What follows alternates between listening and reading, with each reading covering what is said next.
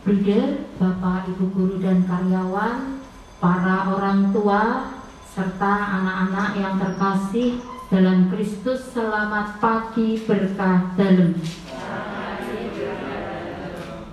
Marilah kita awali hari ini dengan doa pagi bersama.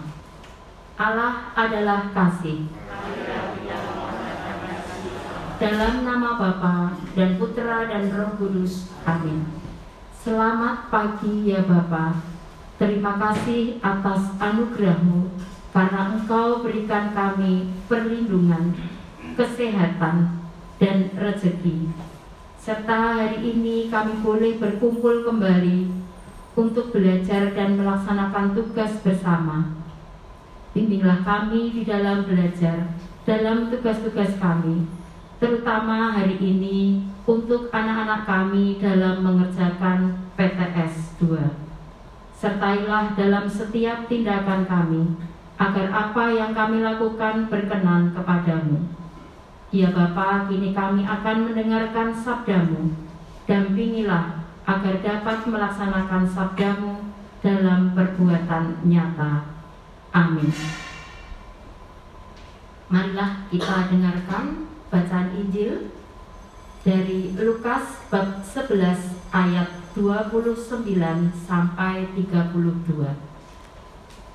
Angkatan ini tidak akan diberi tanda selain tanda Nabi Yunus. Sekali peristiwa, Yesus berbicara kepada orang banyak yang mengerumuni dia. Angkatan ini adalah angkatan yang jahat. Mereka menuntut suatu tanda, tetapi mereka tidak akan diberi tanda selain tanda Nabi Yunus. Sebab bagaimana Yunus menjadi tanda bagi orang-orang Niniwe, demikian pula lah anak manusia akan menjadi tanda bagi angkatan ini. Pada waktu penghakiman ratu dari selatan akan bangkit bersama orang dari angkatan ini dan akan menghukum mereka. Sebab ratu ini datang dari ujung bumi untuk mendengarkan hikmat Salomo dan sungguh yang ada di sini lebih daripada Salomo. Pada waktu penghakiman, orang-orang Niniwe akan bangkit bersama angkatan ini dan mereka akan menghukumnya. Sebab orang-orang Niniwe itu bertobat waktu mereka mendengarkan pemberitaan Yunus. Dan sungguh Yunus yang ada di sini lebih daripada Yunus. Demikianlah sabda Tuhan. Bruder, Bapak, Bruder, Bapak Ibu serta anak-anak yang terkasih, tanda Yunus yang disebut di dalam bacaan Injil ini memberi peneguhan di awal minggu prapaskah kita untuk menghayati pertobatan secara nyata Yunus berkeliling di Niniwe mengabarkan pertobatan agar Niniwe, kota besar yang mengagumkan itu tidak ditunggang balikan.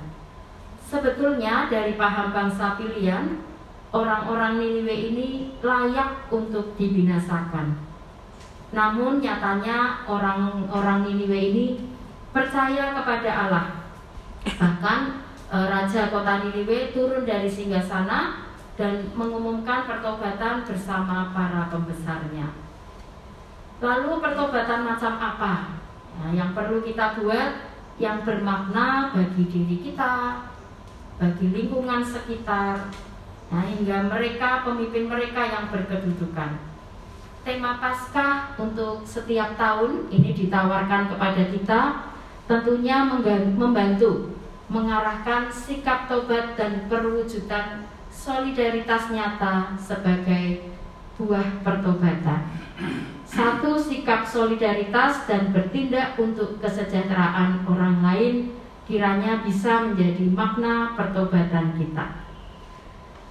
Untuk memanggil e, kita bertobat, Allah ini juga menggunakan tanda seperti halnya Allah mengutus eh, Yunus untuk menyerukan pertobatan bagi orang-orang Niniwe tadi.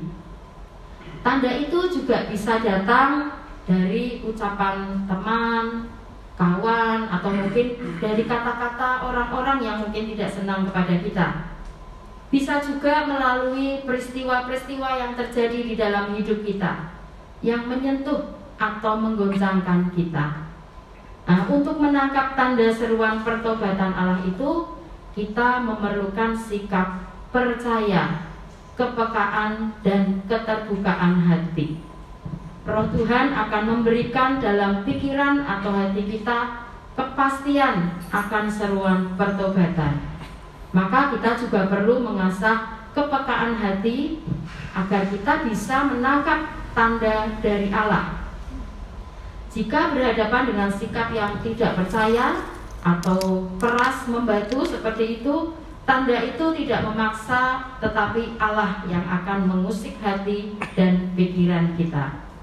Nah, tanda yang diberikan oleh Tuhan tanda Nabi Yunus itu yaitu kebangkitan Yesus dari kematian. Kebangkitan menunjukkan bahwa Yesus adalah Mesias dari Allah. Dengan kebangkitan berarti kekalahan kuasa dosa dan maut. Demikian untuk renungan hari ini. Amin.